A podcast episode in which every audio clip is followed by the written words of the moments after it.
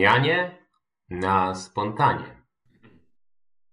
Cześć, witamy Was bardzo serdecznie w kolejnym odcinku naszego podcastu o zmianie na spontanie. Ja nazywam się Piotrek Podskarbi, jak zwykle ze mną Paweł Reder i dzisiaj porozmawiamy sobie na pewien temat, który mocno wiąże się z tematem poprzednim, gdzie mówiliśmy sobie o sprzedaży, a dzisiaj mianowicie porozmawiamy o budowaniu marki osobistej. Jest takie pojęcie, myślę, że wielu osobom znane, jeżeli ktoś śledzi tematy, czy to biznesowe, czy bardziej aktywnie mm, śledzi zagadnienia związane z jakimś tam, powiedzmy, rozwojem zawodowym. No na pewno spotkał się z takim pojęciem jak personal brand, czyli z angielska tłumacząc to dosłownie jest to właśnie ta marka osobista. I wydaje mi się, że temat jest zarówno ciekawy dla osób, które planują, czy też nawet prowadzą już w tej chwili jakiś własny biznes, czy też pracują jako freelancerzy, ale również może to być coś, co przyda się osobom pracującym typowo na etacie, ponieważ z mojej perspektywy jest tak, że y, ta marka niekoniecznie musi dotyczyć, szczególnie jeżeli mówimy właśnie o marce osobistej, niekoniecznie ona musi dotyczyć jakiejś firmy, może dotyczyć właśnie y, rozwoju osoby jako nawet pracownika etatowego, więc myślę, że każdy tutaj, kto ma jakieś źródło dochodu, a trudno wydaje mi się, żeby w dzisiejszym czasie go nie mieć, mm, powinien na tym jakoś skorzystać. I żeby wejść jak zwykle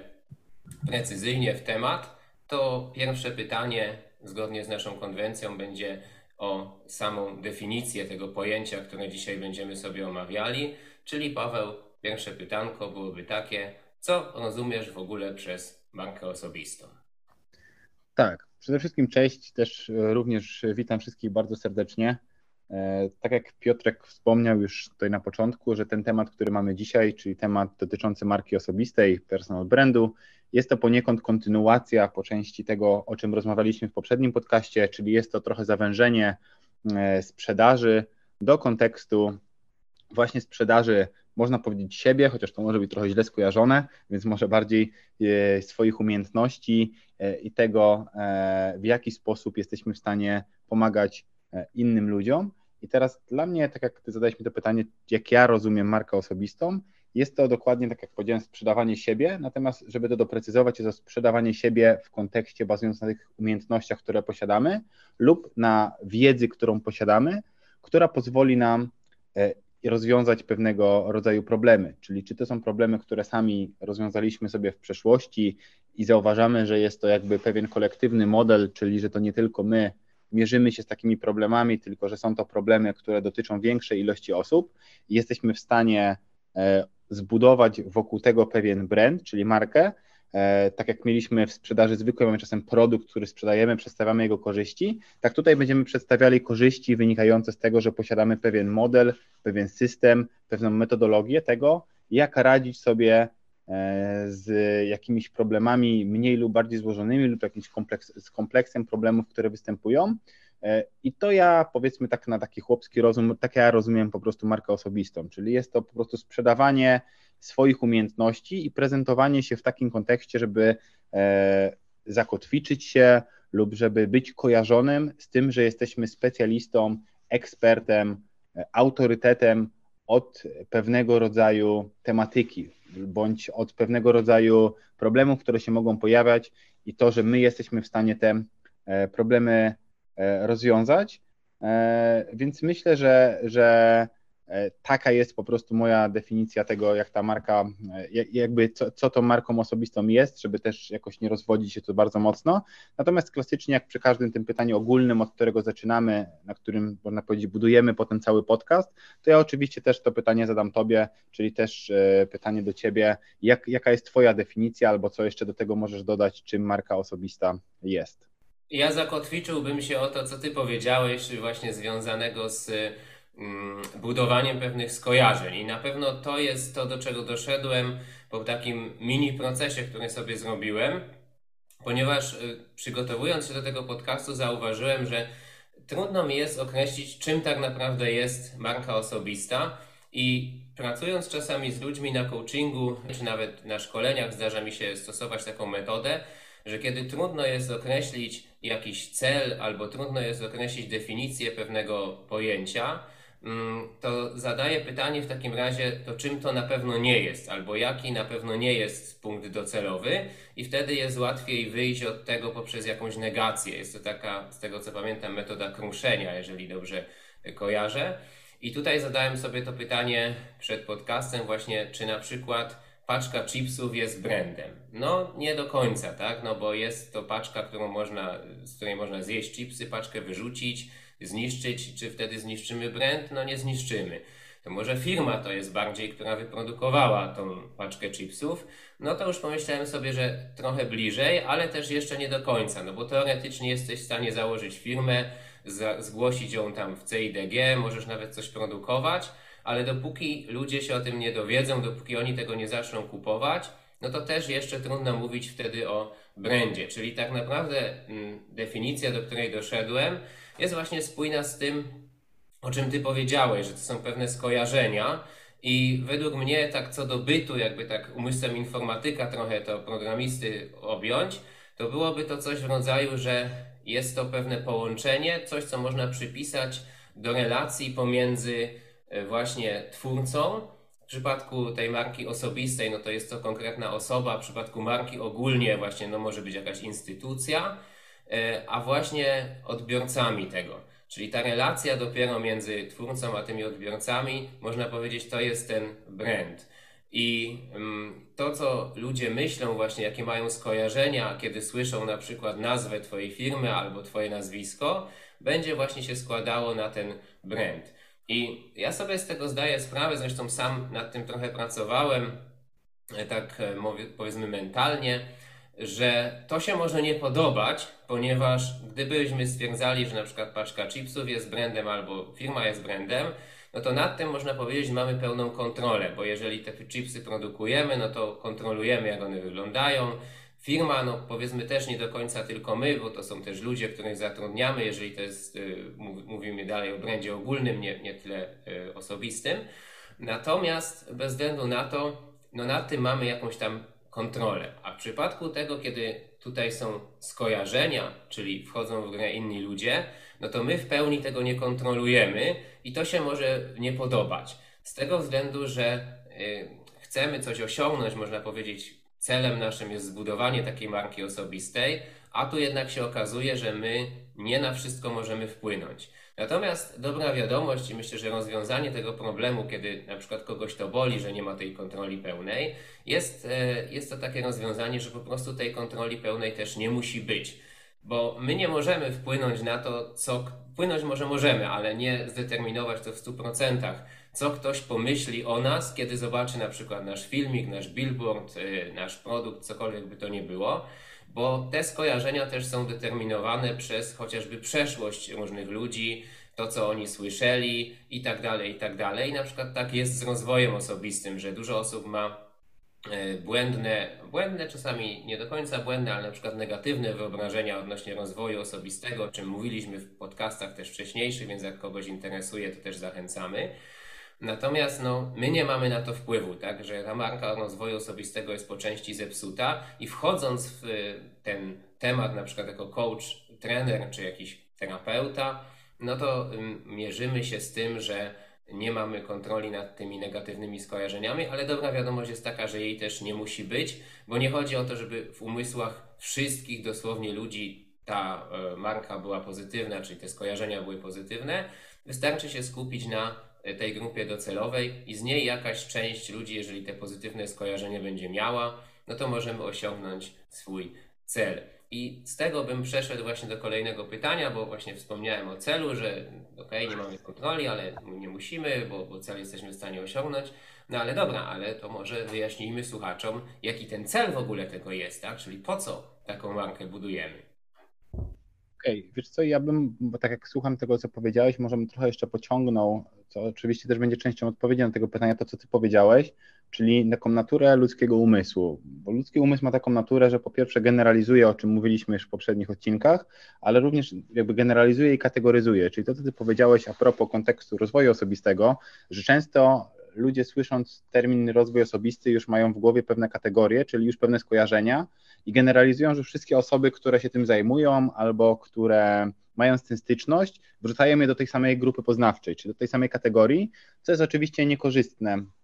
jeżeli to jest zła definicja i korzystne, jeżeli definicja byłaby dobra, bo możemy e, po prostu na tym korzystać. I teraz jakby ja widzę, że budowanie marki osobistej, jakby cel, po co to robić, rozgraniczyłem sobie tutaj na dwa człony. Pierwszy, właśnie zacznę od tego, to jest to, żeby być postrzeganym przez odpowiednie kategorie, czyli mając świadomość tego, że umysł ludzki poznając nowego człowieka, mając z nim jakąś styczność, nie będzie w stanie w pełni go poznać. Czyli tak jak na przykład my znamy się już trochę czasu, jesteśmy w stanie precyzyjnie niektóre rzeczy o sobie powiedzieć, bo postrzegamy siebie przez pewne konteksty, tak często poznając przeciętną osobę, nową osobę w swoim życiu, wrzucamy ją w pewną kategorię i traktujemy, jakby to było prawdą. I teraz, jeżeli dobrze budujemy naszą markę osobistą,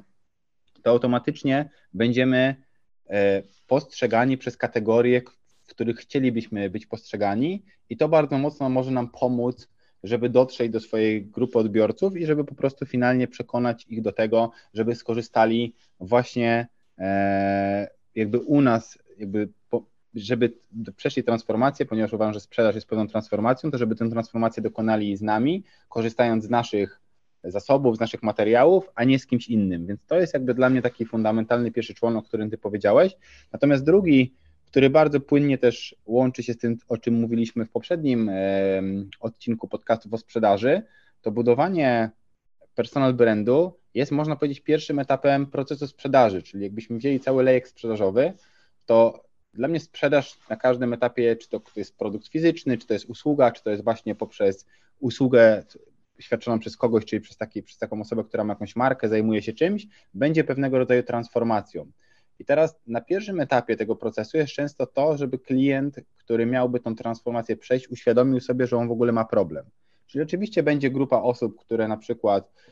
ja bym wziął, nie wiem, bolą kogoś plecy i będzie szukał na rynku rozwiązania, co może zrobić, żeby te plecy go przestały boleć. Natomiast tu też mamy klienta, który jest uświadomiony o tym, że ma problem. Natomiast będzie cała rzesza klientów na rynku, która potencjalnie może być nawet nieświadoma, że konsekwencji swoich działań lub tego, gdzie jest obecnie w swoim życiu i że sytuacja, w której znajdują się obecnie, może być w jakikolwiek sposób problematyczna teraz lub w krótkiej bądź dalszej perspektywie w przyszłości. Teraz personal branding, budując go, pozwala również edukować i komunikować klientom, na czym polega ten problem, z czym to się wiąże i jakie to ma konsekwencje, dzięki czemu będziemy w stanie przynosić tych klientów po lejku sprzedażowym do momentu, kiedy oni na przykład nie byli całkowicie świadomi tego, że ten problem istnieje lub że go mają, aż do momentu, kiedy zdali sobie sprawę, że faktycznie tak jest i faktycznie zaakceptowali fakt, że na przykład mam problem, do momentu, kiedy stwierdzili, chciałbym ten problem rozwiązać i skorzystali e, z porady, bądź jakkolwiek teraz nie chcesz szyć na, na bieżąco, mogą to zrobić za pomocą osoby, która ten, tą markę osobistą sobie buduje. Więc dla mnie tak tak jakbym na to spojrzał, po co to budować, to właśnie pełni te dwie funkcje. Czyli pierwsza, żeby być postrzeganym w odpowiednich kategoriach, czyli to, o czym też ty domknęłeś i powiedziałeś, żeby się kojarzyć z konkretnymi kategoriami, które jeżeli te, te skojarzenia są pozytywne e, i pomagają i wspierają to, żeby ktoś podjął decyzję dzięki osobie, która, która ma tak zbudowaną markę osobistą, będą jej po prostu pomagać, a drugi jest to po prostu pierwszy etap sprzedaży, który buduje naszą wiarygodność, który buduje naszą autentyczność, który pokazuje, że znamy się na tym, co robimy, że mamy wiedzę w tym temacie, umiemy te problemy e, rozwiązywać, że mamy pewnego rodzaju powtarzalne e, modele, które są dla eksperta często przewidywalne, czyli on wie mniej więcej, co się może w tym procesie wydarzyć, jak ten proces może przebiegać, cokolwiek by to nie było i jak sobie po prostu z tym radzić, czyli jeżeli będziemy pod opieką takiej osoby, e, to będziemy po prostu bezpieczni i całość od, e, od początku transformacji, kiedy zaczynamy tę transformację i zdajemy sobie sprawę, że mamy jakiś problem, do momentu końcowego, kiedy jesteśmy e, już zadowoleni, jakby po, po, po skończonym tym procesie będzie przebiegać dobrze, bo ktoś, kto się tym zajmuje, po prostu umie to robić. Więc tak ja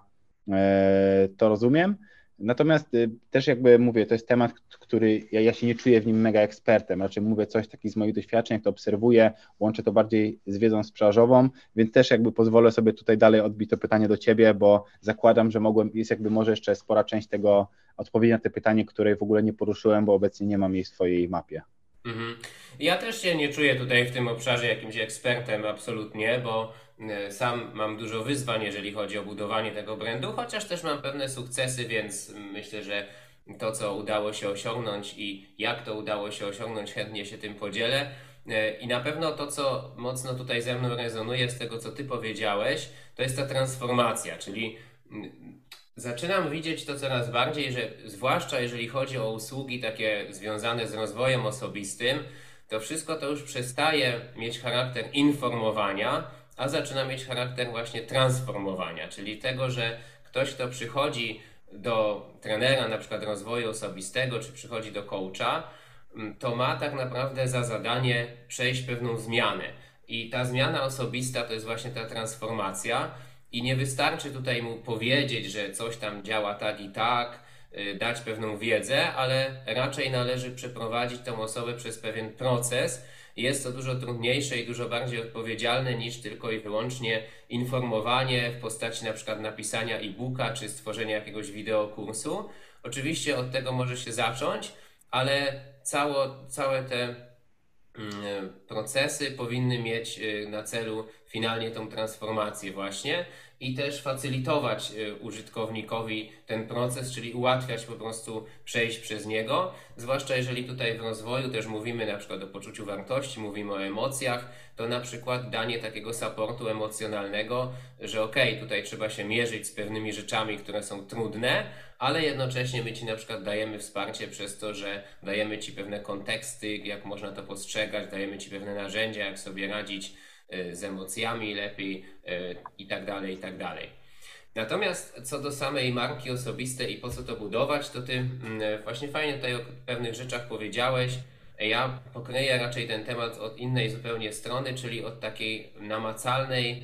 ostatecznej korzyści, jaka z tego płynie. Czyli powiedziałbym, że tutaj po pierwsze jest to to, żeby mieć w ogóle klienta. Bo jeżeli mamy tą sieć skojarzeniową, y, ludzie mają tą sieć skojarzeniową pozytywną w stosunku do nas, no to chętniej do nas przyjdą. Czy w ogóle też elementem budowania tego brandu jest to, że w ogóle w tych głowach jesteśmy, tych naszych odbiorców, że w ogóle ktoś kojarzy, że okej, okay, jest, nie wiem, taki Piotrek, jest taki Paweł i oni się zajmują tym i tym, no to to już jest pewna wartość i pozwala to, żeby w ogóle osoba przyszła. Natomiast też z perspektywy tutaj szerszej, myślę, że to nie tylko o rozwój można zahaczyć, to jest kwestia tego, że tak jak Ty zresztą powiedziałeś, że klienci budują, można powiedzieć, takie pewne szufladki. I teraz, jakby porównać to na przykład do restauracji, no to mamy bardzo różne restauracje. Mamy na przykład jakiś bar mleczny, w którym można zjeść pierogi za 15 zł, a jest na przykład restauracja sushi, w której dania kosztują od 50 zł, dajmy na to.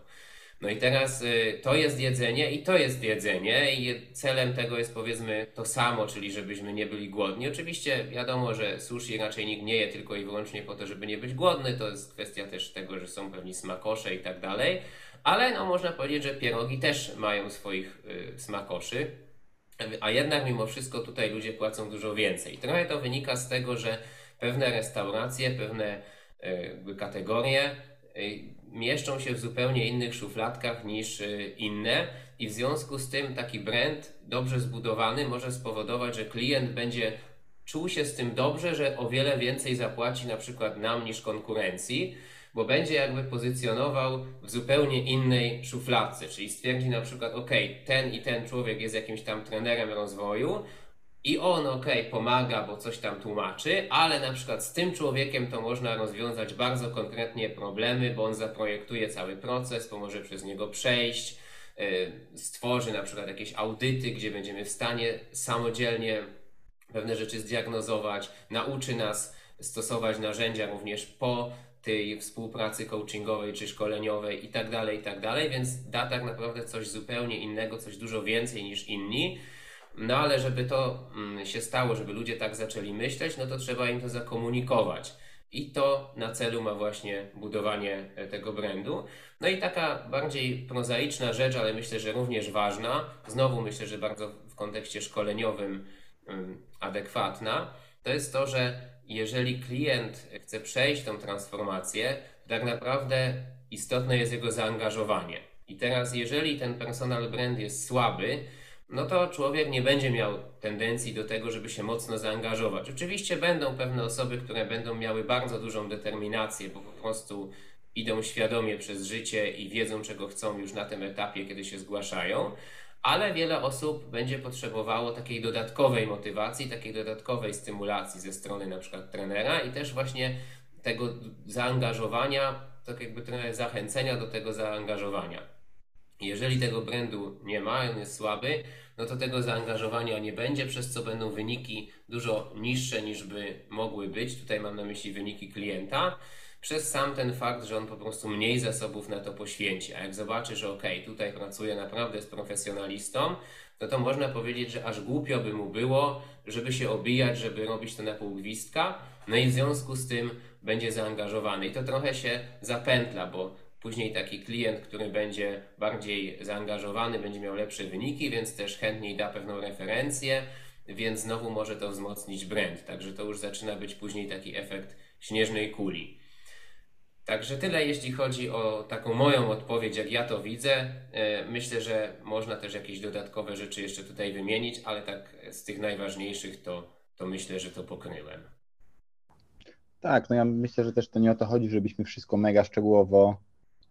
domykali, tutaj omawiali bardziej, tak jak w naszych podcastach, raczej staramy się rozmawiać o jakiejś większej tematyce, powiedzieć na nie nasze spojrzenie, jak to widzimy, e, jakby jakie tam są, e, jakby, jaki większy model, natomiast nie wchodzą też w szczegóły, tak samo w tym podcaście nie będziemy mówić o tym, jak bardzo szczegółowo tą markę osobistą budować, czy co w niej robić, natomiast tak poruszamy te kwestie. Natomiast właśnie a propos tego, E, to jako, że, że dwa pierwsze pytania odpowiadałem, może teraz też zacząć, to, to zadam Ci pytanie, jak Ty widzisz w ogóle budowanie marki osobistej? Co byś robił na początku swojej drogi lub nawet w trakcie, jakie praktyki byś stosował, żeby tą markę osobistą budować? Ja widzę takie trzy, można powiedzieć nawet cztery kategorie sposobów. Czyli pierwszy to jest taka sieć skojarzeniowa, rozbudowa tej sieci wprost. I to raczej jest rzecz, której niekoniecznie robiłbym na początku, chociaż pewnie to też zależy od tego, w jakiej branży działamy. Ale tutaj mam na myśli coś takiego, że jeżeli na przykład wyświetlana jest reklama jakiegoś leku yy, i tam powiedzmy w reklamie telewizyjnej mamy lekarza, no to w pewnym sensie ten lekarz, yy, jeżeli nawet jest faktycznie mm, po medycynie, faktycznie działa, faktycznie leczy, no to to jest y, w pewnym sensie taki klip reklamowy i taki hacking jakby tej sieci skojarzeniowej, czyli starają się w ten sposób y, ci reklamodawcy, żeby w umysłach ludzi powstało takie skojarzenie, ok, to jest produkt, to jest lek, który jest polecany przez lekarzy, mimo tego, że tak naprawdę tego nie wiadomo, bo no nie wiadomo, czy faktycznie lekarze polecają ten lek, czy polecają jakiś inny, czy w ogóle jakie mają o nim zdanie bo żeby to sprawdzić, trzeba byłoby jakieś badania statystyczne zrobić, a tutaj ta sieć się buduje po prostu w sposób, można powiedzieć, nieco y, sztuczny, zaplanowany poprzez takie klipy, billboardy i tego typu rzeczy. Ale to tak jak mówię, y, pewnie można to odnieść też do brandu osobistego, no bo tutaj mówię, leki, no to raczej nikt osobiście, samodzielnie tego nie tworzy, ale myślę, że to można sobie łatwo gdzieś tam rzutować też i na markę osobistą i tego raczej bym nie robił za dużo na początku, bo to jest też kosztowne finansowo. Czyli o ile taki klip pozwoli dużo szybciej wybudować taką sieć skojarzeniową niż poprzez y, obserwację świata i jakieś badania itd., tak itd., tak o tyle jest to duży koszt i wiele osób jak zaczyna, no to nie ma za bardzo na to pieniędzy, ale no warto wspomnieć, że taka opcja również y, istnieje.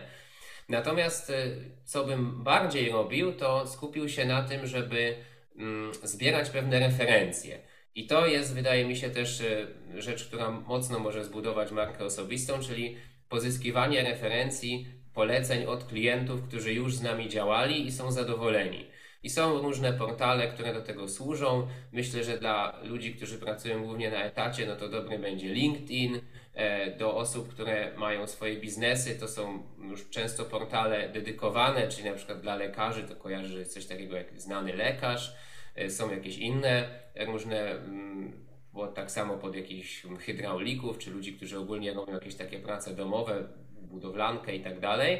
E, są tam jakieś portale, gdzie można gromadzić takie referencje i to jest na pewno dobry sposób, ponieważ to pokazuje to, co mówiliśmy wielokrotnie w kontekście tej książki Cialdiniego, od której zaczynała moja przygoda myślę rozwojowa, czyli mm, społeczny dowód słuszności. Jeżeli wiele osób coś wybiera, no to do naszej głowy dociera taki sygnał, że ok, to jest prawdopodobnie właściwe, no bo dużo ludzi zaufało.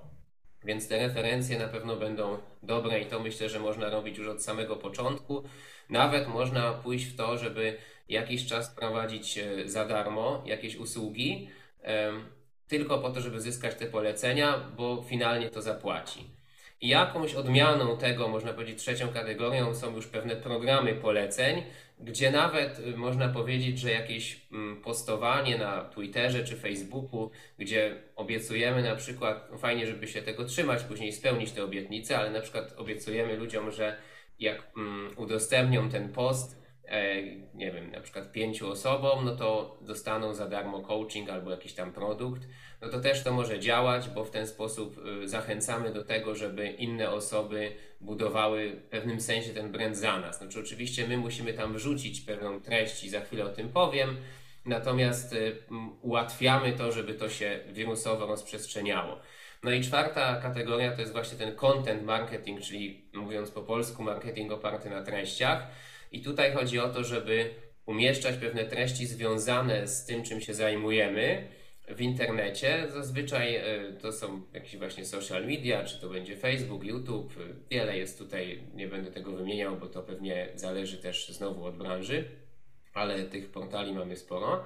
No i ten content, czy te treści właśnie docierają do naszych odbiorców, dzięki czemu oni po pierwsze mogą się w ogóle o nas dowiedzieć, a po drugie też mogą się dowiedzieć, wielu rzeczy na temat tego, jak my działamy i na czym tak naprawdę nasza usługa polega, co myślę, że sobie też za chwilę rozwiniemy, ale na pewno taki content marketing według mnie jest e, ciekawą opcją, bo tworzymy pewne treści, często udostępniając je za darmo, ale znowu to nam może finalnie zapłacić, e, bo klienci stwierdzą, ok, właśnie skojarzą pewne rzeczy z nami i przyjdą i będą chcieli pracować. A dodatkowo jeszcze, na przykład to jest to, co tutaj robimy w kontekście choćby tego podcastu, to daje jeszcze duże spełnienie, bo ja mam na przykład takie poczucie, że nawet jakby jako efekt finalny tego podcastu nikt nie przyszedł do mnie na coaching, ani nie wiem, nie chciał pracować w jakiś tam sposób z tobą,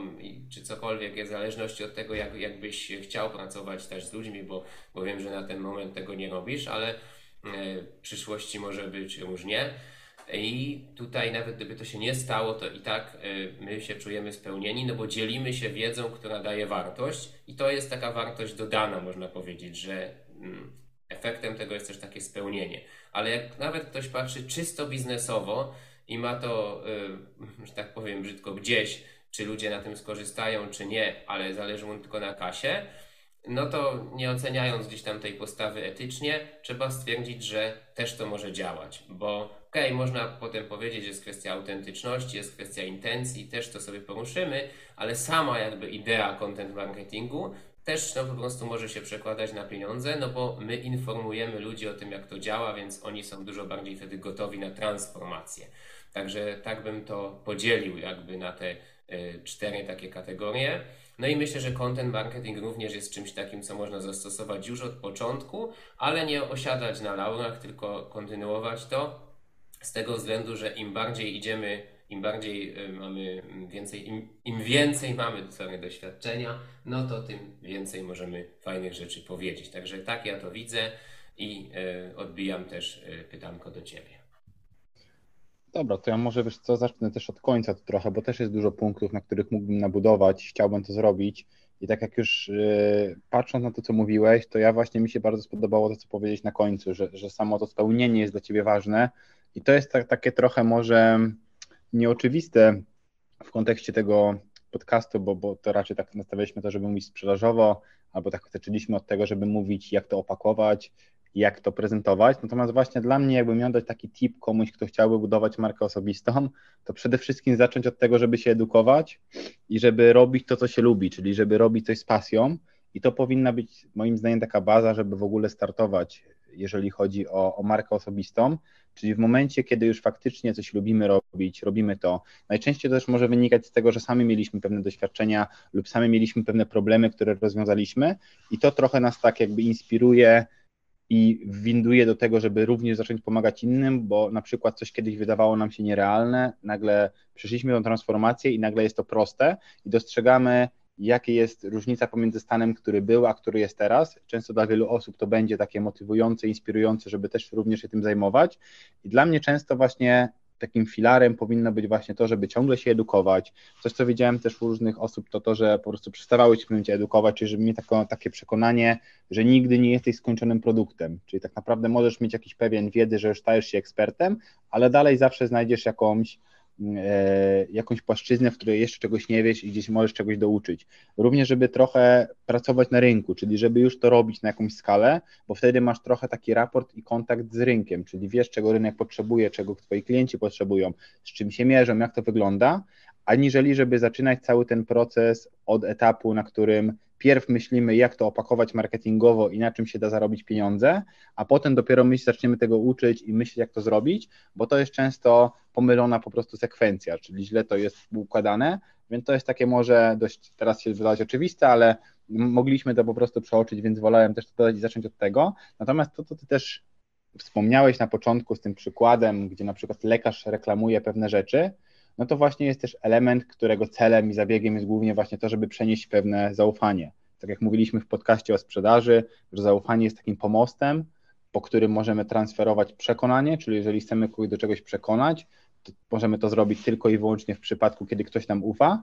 E, tak właśnie w marce osobistej, kiedy już mamy pewne umiejętności, to to jest pierwszy etap na którym powinno nam zależeć, czyli jak to zrobić, żeby komunikować w taki sposób, aby ludzie nam ufali i żeby to zaufanie i wiarygodność stopniowo zwiększać. I można to robić oczywiście na wiele sposobów. Przede wszystkim, moim zdaniem, najlepszym jest też coś, co, o czym Ty wspomniałeś, czyli o content marketingu, ale nie tylko content marketing, czyli po prostu edukowanie, czyli w jakikolwiek sposób dzielenie się jakąś próbką swojej ekspertyzy, swojej wiedzy, po to, aby ktoś mógł faktycznie zobaczyć, że to, co mówisz, ma sens i że faktycznie za pomocą nawet tej próbki wiedzy już był w stanie sobie w jakikolwiek sposób pomóc i przejść jakąś taką mikrotransformację. Czyli jeżeli możemy na to spojrzeć, że cała usługa kogoś, czy cały proces jest bardzo długi, e, lub nawet nie chodzi o długi w czasie, tylko jakby ta transformacja zawiera kilka elementów, to często za pomocą próbki wiedzy jesteśmy w stanie pomóc komuś do pewnego poziomu i ta osoba faktycznie widzi, że to działa, lub jeżeli na przykład nie korzysta z porady eksperta, to to działa, ale jest rozłożone w czasie, czyli wymaga więcej czasu, jakby skorzystała jeszcze z porady czy konsultacji, mogłaby zrobić to samo szybciej, ponieważ walutą będą na przykład pieniądze, energia i czas. Dla niektórych pieniądze nie będą wcale istotne, bo mają ich dużo i będą w stanie zapłacić, będą skłonni zapłacić więcej, żeby to zrobić szybciej. Więc moim zdaniem jedną z lepszych form jest właśnie dzielenie się e, i tak samo możemy powiedzieć o budowaniu kontaktu z klientem, czyli właśnie raportu i zaufania. Najlepiej często działa to, że po prostu przeżyliśmy podobne doświadczenie do kogoś, czyli mamy nawet nie podobne, najmocniej działa, że przeżyliśmy takie samo doświadczenie, ale to by bardzo mocno prawdopodobnie zawęziło grupę docelową, więc dzielenie się po prostu własnym doświadczeniem, jak to u nas wyglądało, jaki proces my przechodziliśmy, bo to bardzo mocno pozwoli zbudować taką więź po, połączenia z drugą stroną, która byłaby naszym potencjalnym klientem, bo będzie czuła się, że może się odnaleźć w naszych słowach, w tym, co mówimy, że może odnaleźć w tym siebie i będzie to bardzo z nią prawdopodobnie rezonowało. Więc to jest taki, taka moja wskazówka. No i jakby formy tego, gdzie się będziemy tą wiedzą dzielić, jak to robić, jest moim zdaniem tych form bardzo wiele. Możemy dawać różnego rodzaju prelekcje, czyli pojawiać się na różnych eventach tematycznych, zapytać, czy możemy robić prelekcje. Coś, co ty powiedzieć fajnie, to właśnie zacząć od darmowych konsultacji, żeby zebrać feedback, jak ta konsultacja pomogła, w zamian chociażby za e, polecenie, ponieważ polecenia, tak jak powiedziałeś, bardzo mocno działają. Dla wielu branży polecenia działają najlepiej ze wszystkich źródeł pozyskiwania klientów, czyli są to po prostu klienci z poleceń, że ktoś o kimś się dowiedział i tak zaplanowany lejek sprzedażowy działa zazwyczaj najlepiej, jest najbardziej efektywny i też pod kątem e, finansowym niż pozyskiwanie ciągle to nowych klientów, bo jeżeli tak ktoś by pracował, to żeby był jakiś sygnał, że coś robi nie tak, że tych klientów ciągle musi pozyskać, o ile nie jest jakimś sklepem, który sprzedaje zwykłe produkty, to w personal brandingu raczej bazujemy na tym, żeby dojść do momentu, kiedy te referale stanowią główną część naszego biznesu i tak głównie będą do nas przychodzić klienci. Można powiedzieć, że z mojej perspektywy to, co powiedziałem, to to są takie najważniejsze kwestie i dobre praktyki, jeżeli chodzi o, o, o budowanie tego brandu, czyli z perspektywy bardziej jak to robić. Oczywiście też nadal no mówię na takim ogólnym poziomie, nie dotykamy tego tak mega, mega szczegółowo, chociaż jakby dla mnie też jest ciekawe to, co ty powiedziałeś na końcu, jeżeli chodzi o ten content marketing, więc może też, żeby nie odpowiadać całości już tej kwestii, to oddam to pytanie też tobie, czyli jak ty widzisz ten content marketing, jak ty widzisz pracę w tym obszarze, jakieś dobre praktyki, co byś tutaj rekomendował i robił? Jasne, no wydaje mi się, że na pewno dobrą praktyką taką na poziomie meta, jeśli tak można powiedzieć, jest to, o czym Ty już wspomniałeś, czyli y, pewna postawa odnośnie tego, żeby się jarać tym, co robisz, żeby to sprawiało przyjemność, żeby czuć w tym pewną misję, bo tak jak ja powiedziałem, ten content marketing, on może działać również, jeżeli tej misji i pasji nie mamy i robimy to tylko dla pieniędzy. I są takie brandy, które tak działają, natomiast Ryzyko, jakie tutaj jest, już pomijając to, że część ludzi może być zniechęconych tym, że tej autentyczności im zabraknie, to dodatkowo jeszcze narażamy się wtedy na takie szybkie ryzyko wypalenia, no bo trudno jest tworzyć pewne treści, co jakby nie patrzeć jest y, pracą kreatywną, kiedy tak naprawdę tego nie lubimy i robimy tylko dla pieniędzy, a na przykład w jakimś momencie tych pieniędzy może być mniej, bo wiadomo, że to jest biznes, jest tam pewna nieprzewidywalność, no i wtedy ta motywacja się obniży, a podczas gdy robimy to dla wewnętrznej gratyfikacji, tak jak my na przykład to robimy, no to nie musi tych pieniędzy być, one nie muszą być stabilne i dalej jesteśmy zmotywowani. Także na pewno to miejsce, z którego to płynie, na pewno jest to takie hasło już nasze przewodnie, miejsce, z którego to wychodzi, ale na pewno to jest istotne. Natomiast od strony takiej technicznej bardziej, to zastanawiam się nad tym, bo mm, wiele osób na przykład mówi mi, ok, wiesz, E, ja mam jakiś tam biznes, fajnie byłoby robić ten content marketing, ale ja tak naprawdę nie wiem, co ja mam tam tworzyć. I ja mówię często, ja nie jestem od tego ekspertem, więc nie, nie doradzę, co w, na przykład w branży, załóżmy, modowej trzeba byłoby tworzyć. Natomiast na takim ogólnym poziomie mogę powiedzieć, co ja robię ze swojej perspektywy. I uważam, że kiedy właśnie to miejsce, z którego to wychodzi, jest właściwe, to wtedy też nie ma za dużych problemów z tym, żeby tworzyć treści, bo nie ma u mnie takiego problemu, że ja nie wiem, o czym mam nagrać filmik albo podcast, albo napisać artykuł. Z artykułami to bardziej mi się nie chce, bo nie przepadam za pisaniem, z tego względu, że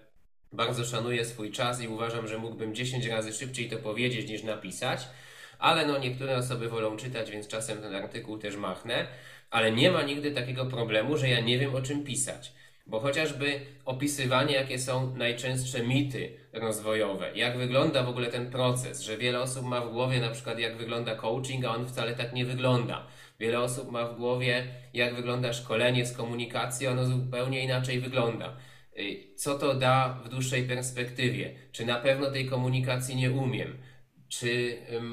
ta komunikacja ma jakieś namacalne efekty? Jak samemu to ćwiczyć? To są takie rzeczy, które mi z marszu przychodzą do głowy, bo ja to po prostu robię i wiem, jakie pytania mają ludzie i w jaki sposób te pytania też często blokują ich przed tym, żeby zacząć działać, zacząć, zacząć się e, rozwijać. Więc automatu mam już e, na 10 filmów tematy, gdzie to można oczywiście rozwijać. Później, kiedy to się zacznie robić, no to też ludzie komentują w social mediach, więc też sami poddają nam pomysły, o czym by jeszcze można było nagrać. Oczywiście nie zawsze trzeba za tym iść, bo czasami ktoś chce, żeby nagrać e, podcast czy filmik na temat, na którym, w którym ja się na przykład nie specjalizuję.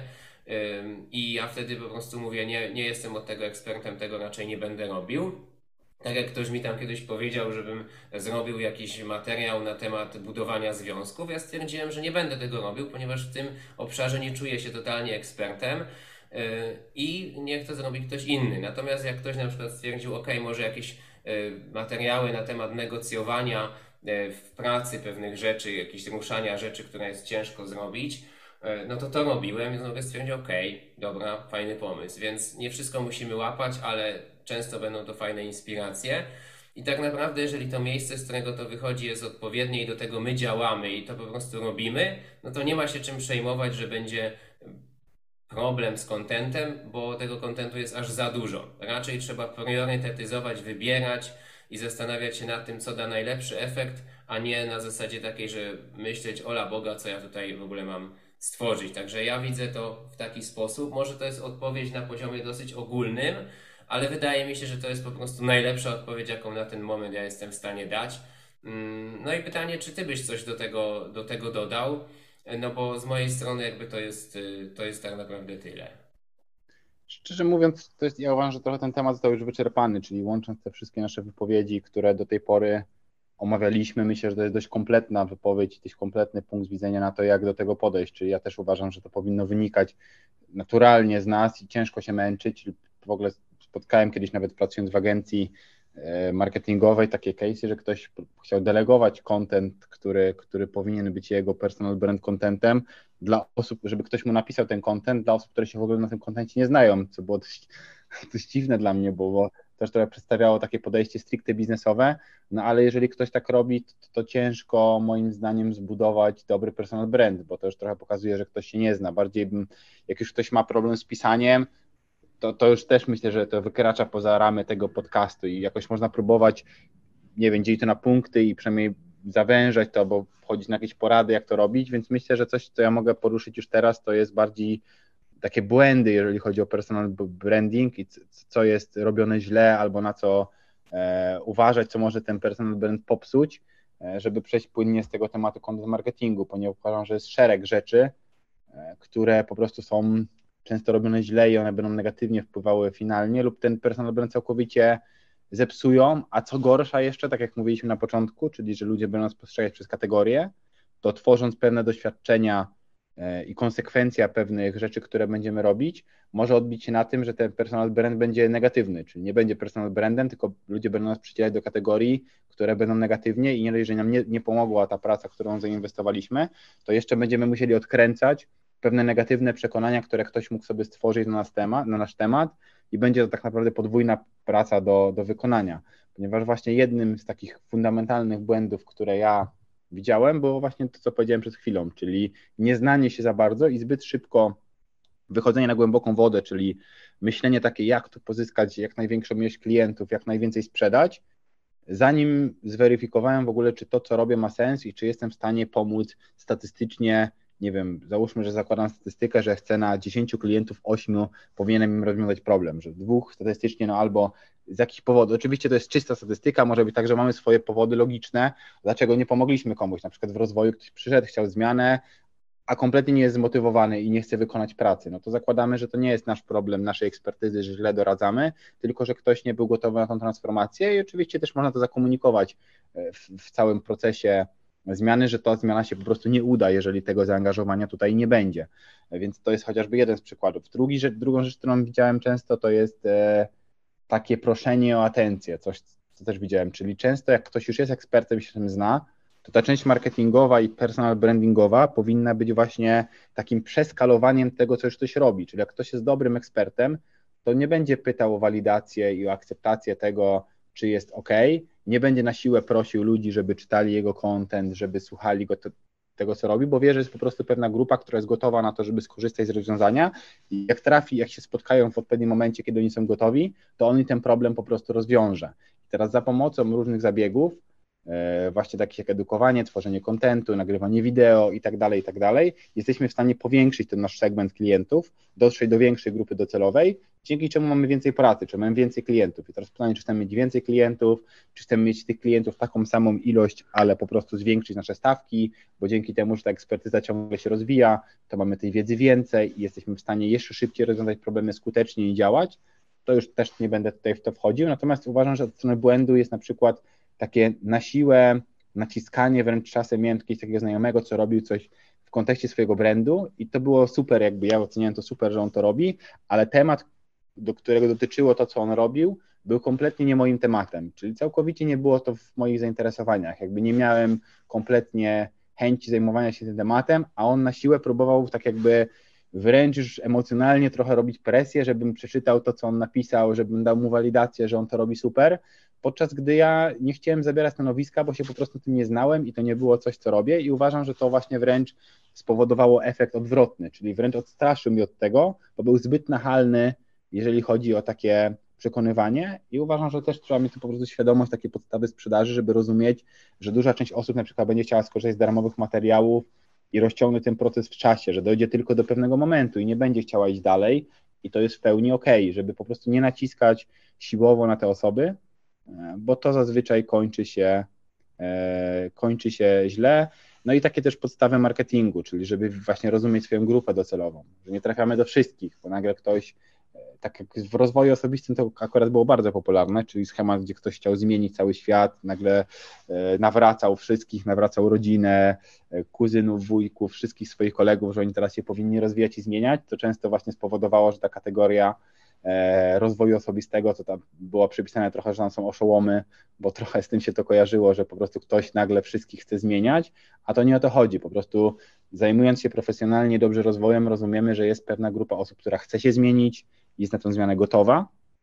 i umieć sobie tą grupę i taki awatar, czy taki benchmark klienta zdefiniować i wiedzieć, do kogo trafiamy e, i żeby po prostu precyzyjnie trafiać do tej grupy i z nimi rozmawiać, bo to nam zaoszczędzi czas i spowoduje, że ta grupa, która potencjalnie mogłaby nam, by nas hejtować, w dużej mierze e, zostanie odsiana. Więc to jest jakby taki, idąc dalej, mój wgląd w to, gdzie widzę jakieś takie patologie albo błędy, co może tą markę osobistą zepsuć. Natomiast jest to też duże pytanie, jakby mówię, każdy z nas ma inne na to spojrzenie, więc też odbijam to pytanie do Ciebie. Co Ty uważasz, jakby w tej kategorii można by przypisać? Co może ten brand zepsuć, albo jakie są praktyki, które Twoim zdaniem są takie kiepskie i nie służą temu, żeby ten brand dobrze budować? Na pewno podpisuję się pod tym, co Ty powiedziałeś. Ze swojej mapy dodałbym jeszcze takie rzeczy, że na pewno takie nieprawdziwe skojarzenia są niefajne, czyli w momencie, kiedy mówiliśmy już kilka razy o tym lekarzu, to ja nie widzę niczego złego, kiedy by miał być taki klip reklamowy, ale w, te, w takiej sytuacji, kiedy rzeczywiście producent ma stwierdzone to jakimiś badaniami, że faktycznie lekarze coś tam polecają. I analogicznie różne inne rzeczy, które są kojarzone. Jeżeli jest to kojarzone przez klip reklamowy, to spoko, okay, ja nie uważam, że samo w sobie to jest negatywne, mimo tego, że okay, no można powiedzieć, że sztucznie gdzieś coś tam ktoś płaci za jakąś zaaranżowaną scenkę, ale no takie jest prawo reklamy, więc y, jest to coś, co działa na rynku od lat i, i nie kim ja jestem, żeby decydować, czy to jest dobre. Raczej bym wspominał o tym, że to powinno być zgodne z tym, jak rzeczywiście ktoś coś postrzega. Czyli ok, rozbudowujmy tą sieć skojarzeniową, ale zgodnie z faktami, a nie życzeniowo. Kolejna rzecz, co też nie kuje mnie gdzieś tam w oczy, jeśli chodzi o content marketing, to akurat to, co powiedziałem, to nie tyle z contentem jest związane, ale to gdzieś tam chciałem nadmienić. Natomiast to już następna rzecz, to będzie typowo związane z treściami. To są jakieś takie treści, które uwypuklają pewne zagrożenia. I oczywiście ja rozumiem, że rozwój osobisty to jest taka działka, gdzie jakąś tam częścią naszej roboty jest to, żeby pokazywać zagrożenia. Czyli też my to robimy, pokazujemy, że jeżeli ktoś nie będzie kwestionował własnych modeli rzeczywistości, nie zbuduje własnego poczucia wartości, będzie w toksycznych relacjach, czy też na przykład zupełnie zapomni o brand, właśnie marce osobistej, a będzie chciał zarabiać y, tworząc jakąś firmę, no to będzie miał problemy, tak? Jakby my o tym mówimy i to jest ok, żeby informować, jest to trochę naszą rolą. Natomiast to, czego nie lubię osobiście, to jest właśnie takie straszenie, czyli każdy, kto coś chce sprzedać, będzie często uwypuklał ten wycinek rzeczywistości, który do tego pasuje. Czyli jeżeli ktoś chce sprzedawać inwestycje, to będzie uwypuklał inflację z tego względu, że stwierdzi, no to jest y, coś, co zje Twoje oszczędności, więc Ty natychmiast musisz zainwestować, co w momencie, kiedy ta inflacja jest rzeczywiście rozbuchana, bardzo trafia gdzieś tam do ludzi. Tylko pytanie jest takie, czy te inwestycje rzeczywiście tą y, kasę zabezpieczą. Tak samo, jeżeli ktoś na przykład uderza w, jakim, w jakąś tam niszę, załóżmy związkową czy romantyczną, no to też może na przykład straszyć na zasadzie, a co to będzie z ciebie, jak będziesz miał na przykład 50 lat i nie będziesz miał żony. I to, że będzie jakaś wielka tragedia. I teraz, no oczywiście, y, wiele osób, y, można powiedzieć, przez to, że nie rozwija się, nie buduje zdolności relacjonowania się z innymi osobami, może gdzieś tam się obudzić w wieku jakimś mm, podeszłym i stwierdzić, że no, straciło jakieś tam szanse w swoim życiu i fajnie, żeby trener rozwoju był taką osobą, która pozwoli, żeby takie tragedie się nie zdarzyły. No tylko, że z mojej perspektywy straszenie nie dość, że nie działa, to jeszcze powoduje w ludziach dodatkową frustrację. W momencie, kiedy my jesteśmy z, z mediów straszeni zewsząd, wojną, pandemią, nie mówię, że tych rzeczy nie ma, bo to się dzieje, natomiast często przekaz jest jeszcze wyolbrzymiony, no to raczej ludzie nie oczekują w tym momencie, że przyjdzie trener rozwoju, który znowu ich będzie straszył, tylko raczej oczekują supportu. I sposób, jaki ja widzę tutaj, jak ja bym to chciał robić, jak staram się to robić tutaj w podcaście czy na mm, YouTubie, no to dawać taką empatyczną konfrontację, czyli z jednej strony pokazywać, dobra stary, no jeżeli nie ogarniesz na przykład tego czy tego tematu, będą jakieś tam konsekwencje. Oczywiście ja tego nie oceniam, bo to jest twoje życie i ja nie będę stwierdzał, że ty jesteś taki czy siaki, jak tam czegoś nie osiągniesz, bo to jest twoje życie. Natomiast rozważ to, no bo możesz kiedyś tam żałować. Fajnie by było, żeby być tego świadomym i podjąć tą decyzję, mając komplet danych. I rozumiem, że ta konfrontacja może być niełatwa, więc Ci tutaj daję support w postaci różnych narzędzi, które Ci daję, w postaci jakichś pozytywnych filmików, w postaci nawet żartów, które gdzieś tam wrzucam, które oczywiście mogą tam niektórych nie bawić, ale no też to daje, żeby trochę rozładować tą atmosferę, a nie tutaj ładować ciężkie działa, bo przeważnie efekt takich ciężkich dział jest jaki? No, że ktoś ten filmik po prostu wyłączy i wcale nie będzie się chciał zmieniać. Więc według mnie, zwłaszcza w takich czasach, kiedy jesteśmy bardzo obciążeni negatywnymi informacjami, no straszenie to jest y, bardzo słabe. Może jest jakaś grupa, dla których to, osób, na które to działa, ale na pewno nie jest to czymś, co ja bym chciał robić. No i na pewno taka rzecz też, która, mm, którą wiele mm, razy widziałem i która mnie kuje w oczy, jest to takie udawanie kogoś innego, czyli trochę można to porównać do takiego dresu z czterema paskami. Jak to kiedyś pamiętam w podstawówce była y, na targu taka budka i tam były mm, spodnie z dresu firmy Adidas. No i to taki właśnie jest trochę brand typu Adidas, czyli że wiadomo, że to chciałby być ktoś Adidasem, ale jest 10 razy tańszy, więc nigdy nim nie będzie. No to od razu wiadomo, że to jest y, jakaś nieudana kopia, reprodukcja. I to często widziałem, kiedy właśnie w grupach związanych z można powiedzieć, relacjami, czy, czy gdzieś tam rozwojem swojej własnej świadomości, dużo ludzi wpadało na ten pomysł, wow, fajnie, my byśmy też chcieli być takimi trenerami. I fajnie, bo oni oczywiście sobie fajnie żyli, jeździli po świecie, robili szkolenia, mieli dużo fajnych e, znajomych, więc fajne życie. Tylko, że nie każdy był do tego, może nie chcę powiedzieć powołany, bo to nie jest kwestia powołania, ale nie, nie dla każdego było to zgodne z jego osobowością. Nie każdy tak naprawdę czułby flow robiąc szkolenia, a niektórzy na siłę chcieli to robić, żeby się do tamtych upodobnić i tworzyli taki tańszy odpowiednik pewnych grup, co według mnie było o tyle y, śmieszne i, i tragiczne zarazem, że czasami kopiowali pewne jakieś znaki rozpoznawcze tamtych grup, y, robiąc pewne rzeczy bardzo podobnie, żeby się upodobnić, a nie zastanawiając się, czy to upodobnienie ma jakikolwiek cel funkcjonalny.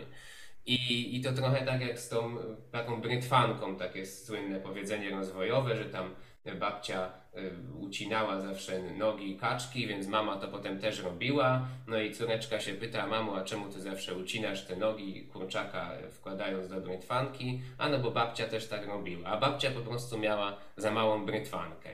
I tak to też niektórzy robią, że kopiują pewne rzeczy, nie zastanawiając się po co, po to tylko, żeby się upodobnić do kogoś tam innego, e, nie poddając pod refleksję, po co by, e, jakby, czemu by to podobieństwo miało służyć. Zawsze taka kalka będzie gorsza od oryginału i, i wydaje mi się, że nie ma od tego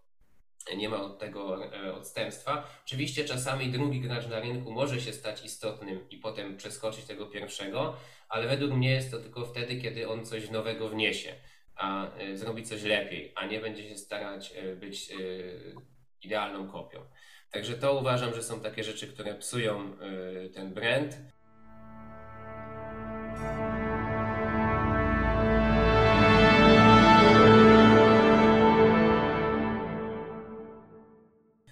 Tworzenie sobie osobowości, jednej z osobowości pod personal brand, czyli dobrze zaplanowany personal brand uważam, że będzie miał osobowość, która będzie ten brand tworzyła i będziemy mieć jakąś subosobowość, która będzie odpowiedzialna za promocję e, tego personal brandu i żeby pamiętać, że to jest tylko i wyłącznie jedna z osobowości, która jest funkcjonalna na potrzeby tego personal brandu i żeby przypadkiem nie stać się tą osobowością jako błąd w całym swoim życiu. Czyli przykładowo, jeżeli byłbym nawet jakimś, nie wiem, strzelę sobie, jakimś znanym prezenterem telewizyjnym i miałbym osobowość prezentera telewizyjnego, która mi pomaga to, żeby zdobywać nowe zlecenia, żebym pojawiał się w jakichś różnych e, na różnych imprezach, gdzie będą mi za to dobrze płacić i mam ten personal brand po to, żeby po prostu tą pracę wykonywać. No i w tej roli musiałbym mieć pewne cechy osobowości, które będą sprzyjały, czyli prezentowałbym się jako osoba bardzo pewna siebie, jako taka zawsze ubrana w jakiś na przykład sposób i tak dalej, i tak dalej. Czyli byłby szereg zachowań i cech mojej osobowości, która byłaby bardzo spójna z tym, co robię w tej roli. No i teraz błędem, który widzę, jest na przykład to, że nagle ktoś stał się tą osobowością w całym swoim życiu. Czy tak jak mówiliśmy o różnych innych rolach, to nagle byłbym prezentorem u siebie w domu, byłbym prezenterem dla swoich dzieci, byłbym prezenterem dla swojej żony. I to jest jeden błąd, ponieważ często z perspektywy poczucia wartości, jeżeli ona jest gdzieś, jest gdzieś dziura w tym poczuciu wartości, czyli ona nie jest jeszcze w pełni przepracowane, to istnieje ryzyko, że ta osobowość będzie bardzo kusząca i będzie tym zapychaczem dziury i będzie po prostu powodowała ucieczkę od pewnych emocji, od pewnych konfrontacji w to, żeby ciągle być w tej, w tej osobowości, bo szczególnie jeżeli ktoś jest, ma jakiś personal brand, który jest już mocny i robi go dobrze, to będzie to świetne narzędzie do tego, żeby uciekać w ten personal brand, bo będzie on po prostu dostawał mimo wszystko dużo walidacji za ten personal brand, jeżeli będzie to robił dobrze. I, i żeby to nie był trochę taki zalążek też osobowości narcystycznej, że robię coś po to, żeby dostawać walidację, a żeby nie zapomnieć, że robiło się to z misją pomagania na przykład innym i żeby właśnie wychodziło to dalej, czyli to, o czym też już wspomniałeś w podcaście, żeby wychodziło to z wewnątrz, z intencji, chcę pomagać innym i dalej jestem, robię ten brand tylko po to, bo wiem, że to wspiera ten proces transformacji innych i po to mam taki personal brand, a nie, że zapomniałem o tym, że pomagam innym, tylko zrobiłem personal brand po to, żeby inni mnie walidowali i żebym miał jakieś takie bezpieczne, albo nawet niebezpieczne, tylko miejsce, w które mogę uciec, osobowość, w które mogę uciec, żeby nie konfrontować się z jakimiś swoimi cieniami, czyli z takimi swoimi emocjami, przekonaniami, które, które mam z przeszłości, które są już niefunkcjonalne, ciążą mi gdzieś i nie chcę się z nimi konfrontować, więc będę uciekać e, w tą osobowość. To, to, to jest jakby dla mnie też taki błąd, który się tutaj e, może pojawić. Natomiast w kontekście jeszcze, żeby pociągnąć trochę ten temat samego poczucia wartości, to uważam, że tak jak w sprzedaży mówiliśmy o tym, że przynajmniej to jest moja strategia sprzedaży, którą nawet kiedyś uczyłem kogoś i ona jest dość skuteczna, czyli że jak sprzedajesz produkt fizyczny bądź usługę, możesz na to spojrzeć trochę, że jesteś posłańcem. Czyli firma ma jakąś strategię, jak to sprzedawać, ma jakąś wizję, uwypukla pewne cechy tego produktu, ty idziesz tymi cechami, je komunikujesz. Jeżeli masz dobry system komunikacji, to po prostu będziesz przenosić te cechy, ale jeżeli klient jest niezadowolony, to w pierwszej kolejności prawdopodobnie nie podoba, bo miał już tą firmę, jakieś złe doświadczenia z firmą, bądź ten sam produkt mu się nie podoba. I jeżeli faktycznie e, jesteś jakimś tam przeciętnym sprzedawcą, nie robisz nic fatalnie, bo tak też może być, że warto to zwalidować, czy może faktycznie jest, jakby ty popełniasz jakieś błędy, że ciebie ludzie po prostu źle odbierają, żeby to też tak nie było jako całkowita wymówka, ale zazwyczaj mówiłem, że możesz to przerzucić, że ty przyjdziesz z produktem, jak klienci są niezadowoleni, to możesz to potraktować, że oni są niezadowoleni na produkt i że to nic złego z tobą nie jest, tylko chodzi tylko i wyłącznie o to, że na przykład są zirytowani, że po raz kolejny ktoś im przychodzi e, z takim produktem, jak na przykład sprzedawałem fotowoltaikę i ktoś był dziesiątą osobą, która oferuje tą fotowoltaikę, to mówiłem, że jak klient na ciebie krzyczy, to nie znaczy, że cię nie lubi, że coś złego jest z tobą nie tak, tylko to chodzi o to, że po prostu już jest zmęczony trochę tym rynkiem i zbyt często takie oferty do niego spływają, więc pojawił się u niego takie już, e, pojawiła się u niego po prostu złość i, i tak to komunikuje. O tyle przy personal brandzie jednak to my jesteśmy głównym dostarczycielem, e, my jesteśmy głównym dostarczycielem usługi czy produktu e, i tak naprawdę jest ta usługa związana z nami, bo bazuje na naszych umiejętnościach i kompetencjach, na naszej wiedzy, więc tutaj często pojawia się dużo większa wrażliwość, jeżeli chodzi o ataki na to, że coś nie działa, że coś jest dobre, istnieje dużo większa tendencja, że ktoś na przykład powie,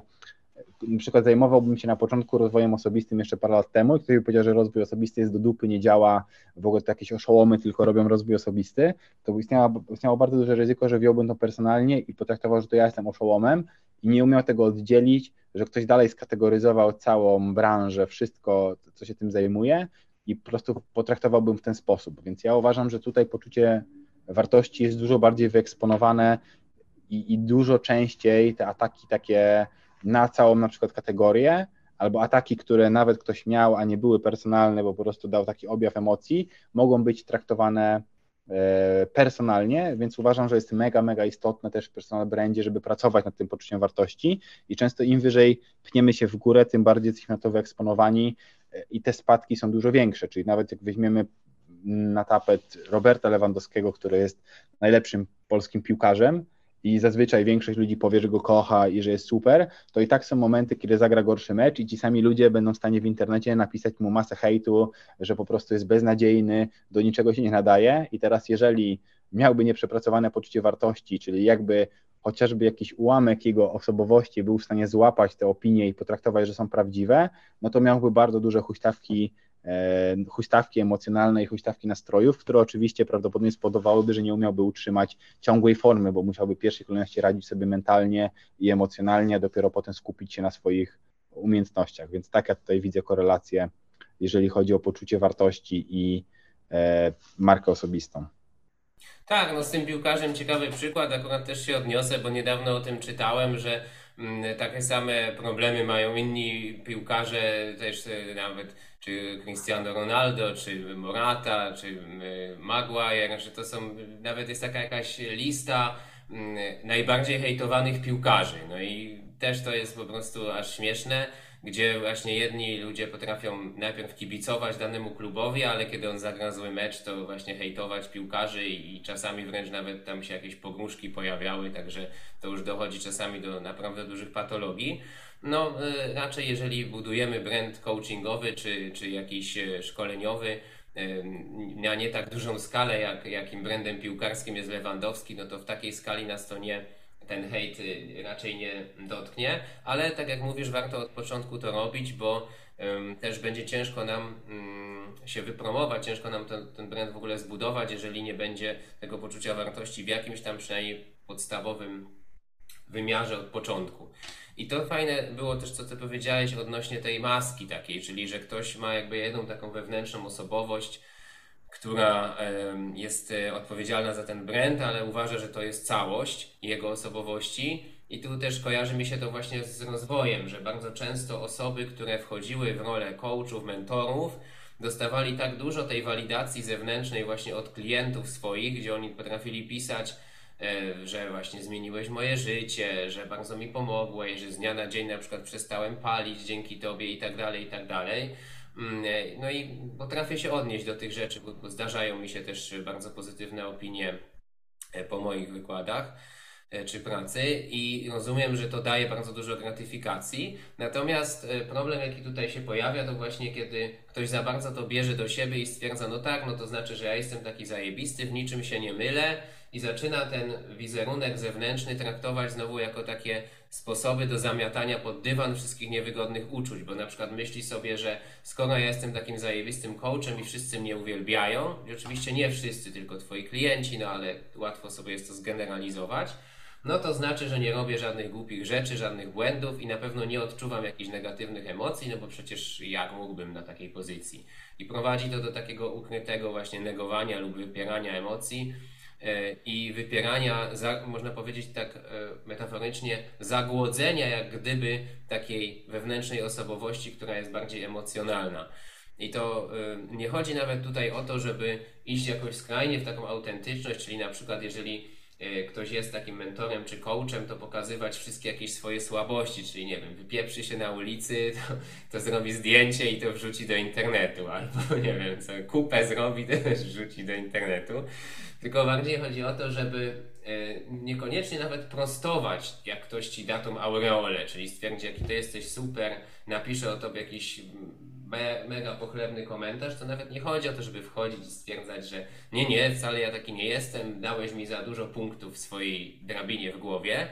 Czasami nie ma sensu tego prostować, może nam taki fan podnieść jeszcze trochę ten autorytet. Natomiast, co jest istotne, że nie można w to wszystko wierzyć, czyli nie stwierdzać, że to jest fakt, że to jest jedyny słuszny sposób patrzenia na rzeczywistość i na samego siebie,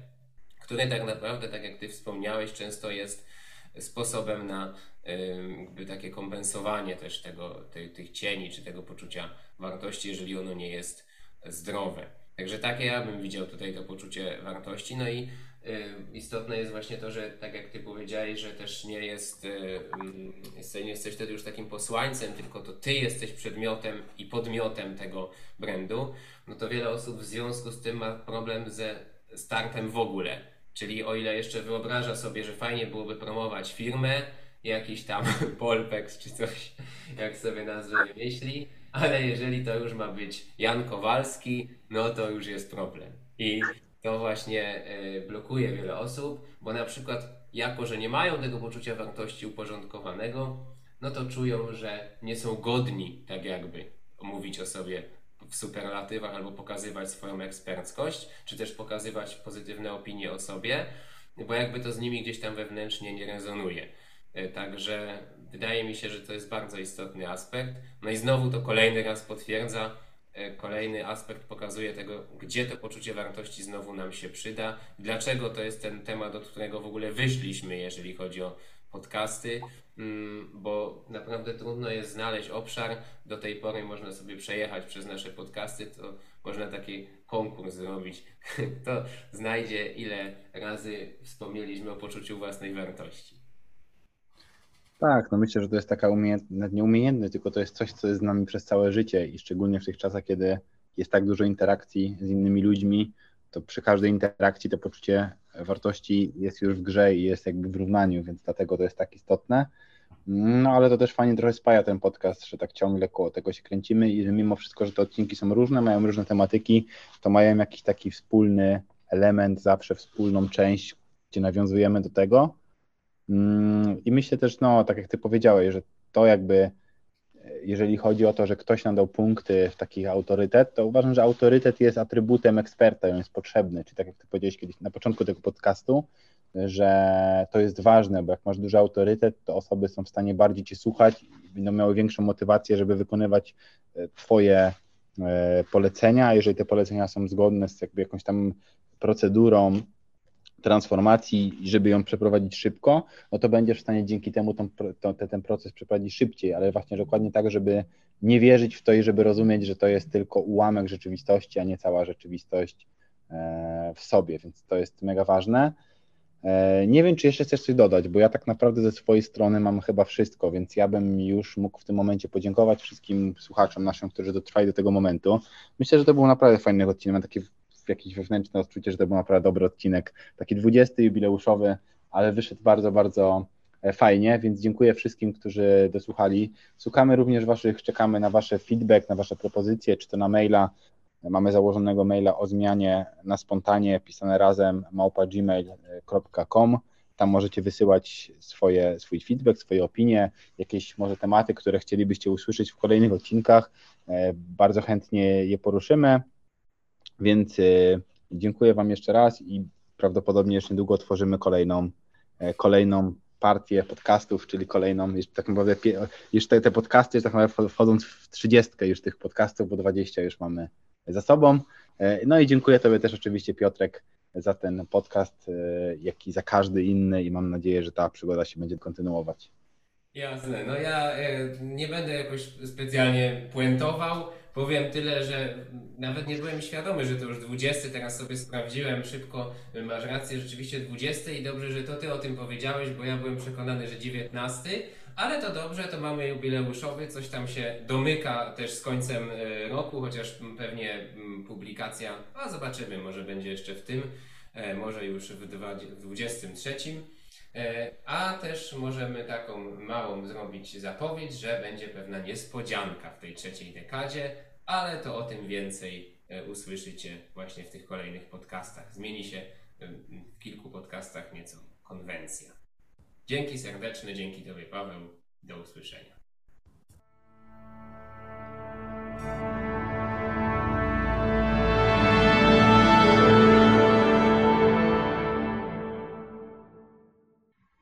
Zmianie